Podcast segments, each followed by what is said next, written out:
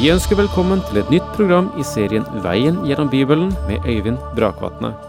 Denne studieserien er produsert av P7 Kristen Riksradio og bygger på serien Through the Bible av Vernon McGee. I dag fortsetter vi med gjennomgangen av Matteus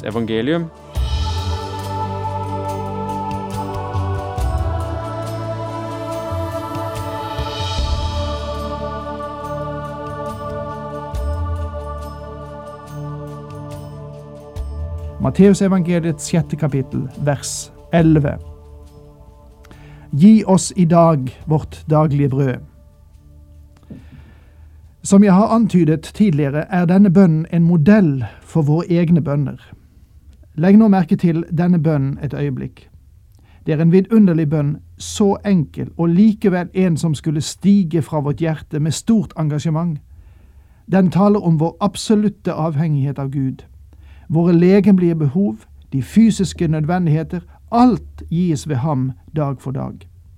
Gi oss vårt daglige brød. På samme måte som Israel samlet manna for dagen, de samlet intet for morgendagen. De fikk ikke tillatelse til å samle manna til neste dag, de kunne ikke samle den i lader. Denne bønn samler manna hver dag. Gi oss i dag vårt daglige brød. Den viser oss at mennesket lever fra hånd til munn. Den viser mennesket at selv de legemlige behov, de grunnleggende behov, blir møtt av Gud. Forlat oss vår skyld, fortsetter Jesus videre i denne bønnen, som vi òg forlater våre skyldnere. Den Herre Jesus kunne ikke be dette. Han hadde ingen synd som skulle tilgis. Og her ser du klart at det ikke er Herrens bønn, det er disiplenes bønn. Forlat oss vår skyld, som vi òg forlater våre skyldnere, virker veldig bundet til lovmessighet og ikke til nådens prinsipp. Og jeg takker Gud også for et annet vers av Skriften, nemlig Efesene 4, 32, der det står Vær gode mot hverandre og vis medfølelse, så dere tilgir hverandre slik som Gud har tilgitt dere i Kristus Jesus. I dag tilgir Gud oss på basis av det Kristus har gjort for oss, ikke på bakgrunn av det vi tilgir, hva angår spørsmålet om vår frelse, vel å merke. Forsoningen og forløsningen i Gud er hel når Gud tilgir oss. Det henspiller ikke på vår frelse når vi leser Forlat oss vår skyld, som vi òg forlater våre skyldnere. Han taler her til dem som allerede er frelst, de som allerede har Guds natur. Han venter ikke at du skal tilgi før han tilgir. Dette er ikke hans måte å avgjøre syndspørsmålet på.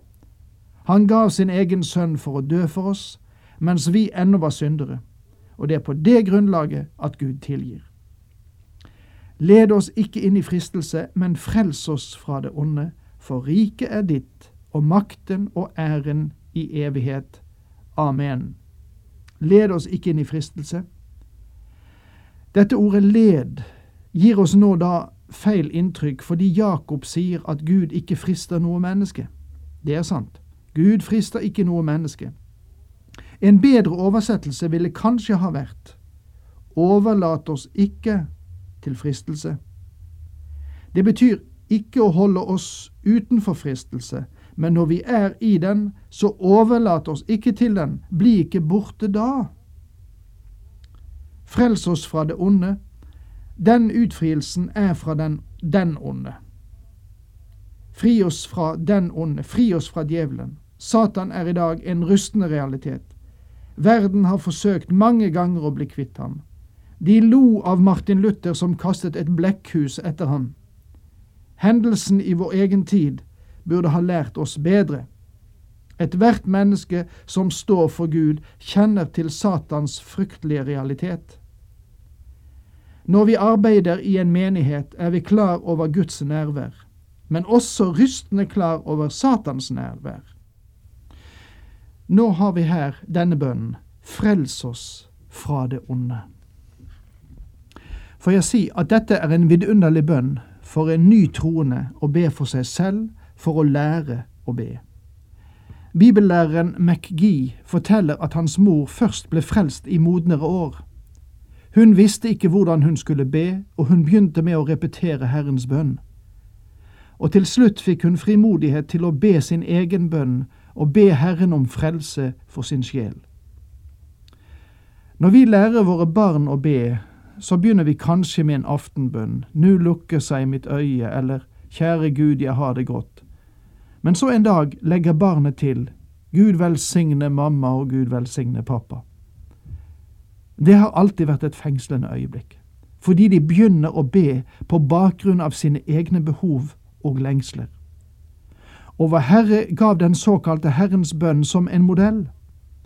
Det er en herlig, vidunderlig bønn som viser hva vi skulle inkludere i våre bønner. Men han lengter også etter å høre oss be med våre egne ord, ut fra våre egne øyeblikkelige behov når vi snakker med ham. Som den Herre Jesus sa i verset som går forut for Herrens bønn, så er bønn ikke noe som skal på utstilling. Det er et fellesskap mellom deg og Gud, og den mest effektive bønnen er når du går inn på ditt eget rom, i ditt eget lønnkammer, ditt private lille sted. I dag trenger vi sannelig mye mer av denne private bønn, der ingen lytter, og der du ikke behøver å forstille deg for noen. Husk at alt er nakent og bart for ham vi har å gjøre med, og derfor kan du fritt og naturlig si det du har på hjertet. Og han sladrer ikke og røper ikke dine svakheter. Det er en rikdom å få være seg selv i sitt lønnkammer. Få ting stimulerer din vekst som kristen mer enn å utvikle dine samtaler med Gud i enerom.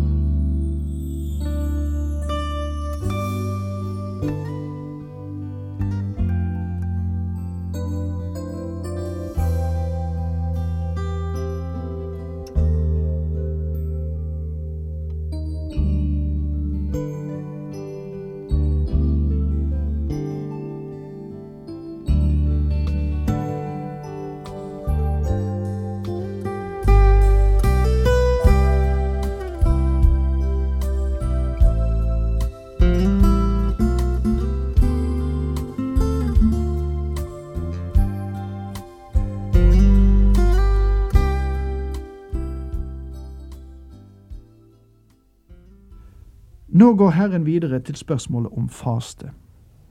Når dere faster, skal dere ikke sette opp en dyster mine, slik som hyklerne.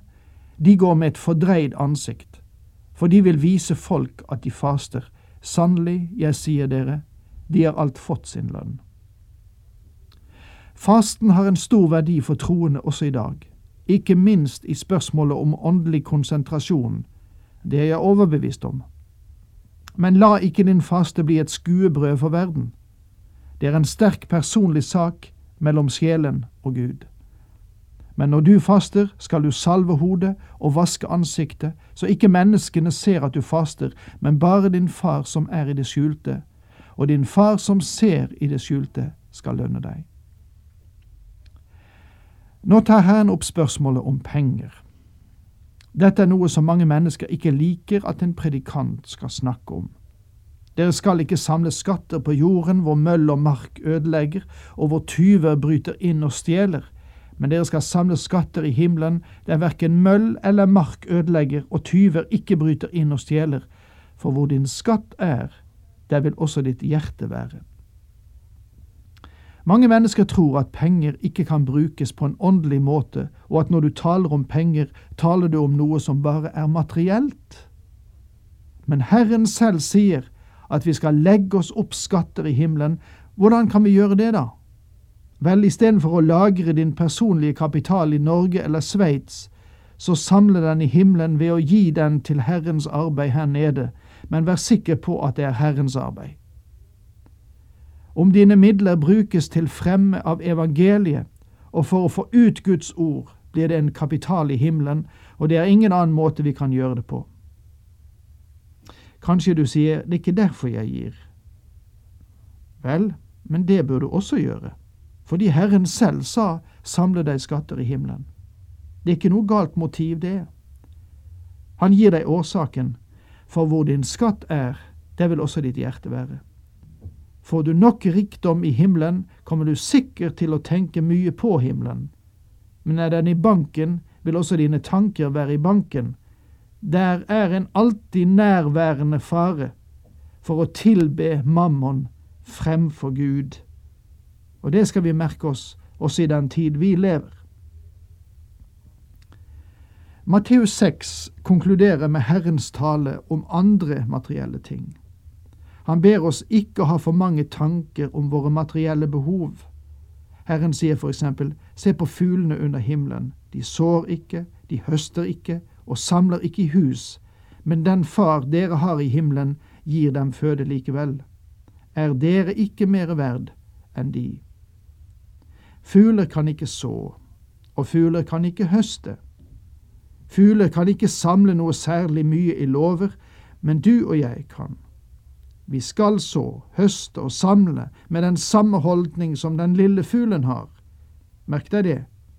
Den har en holdning som røper tillit til Skaperen, og som Skaperen selv har lagt ned i den. Er ikke vi mer enn fuglene?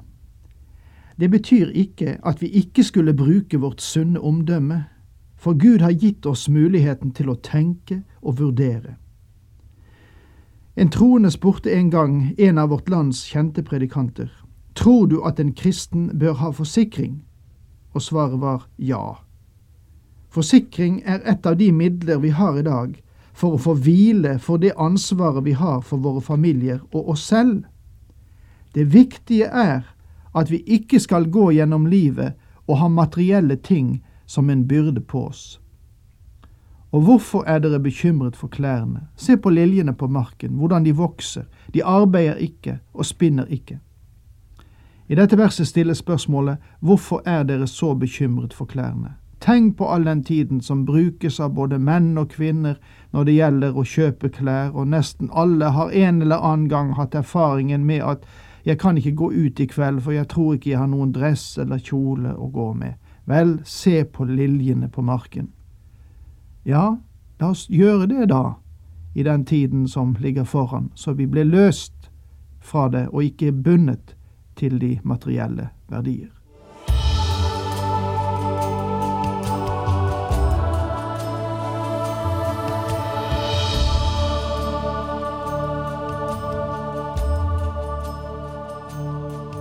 Du hørte Øyvind Brakvatne i studieserien Veien gjennom Bibelen.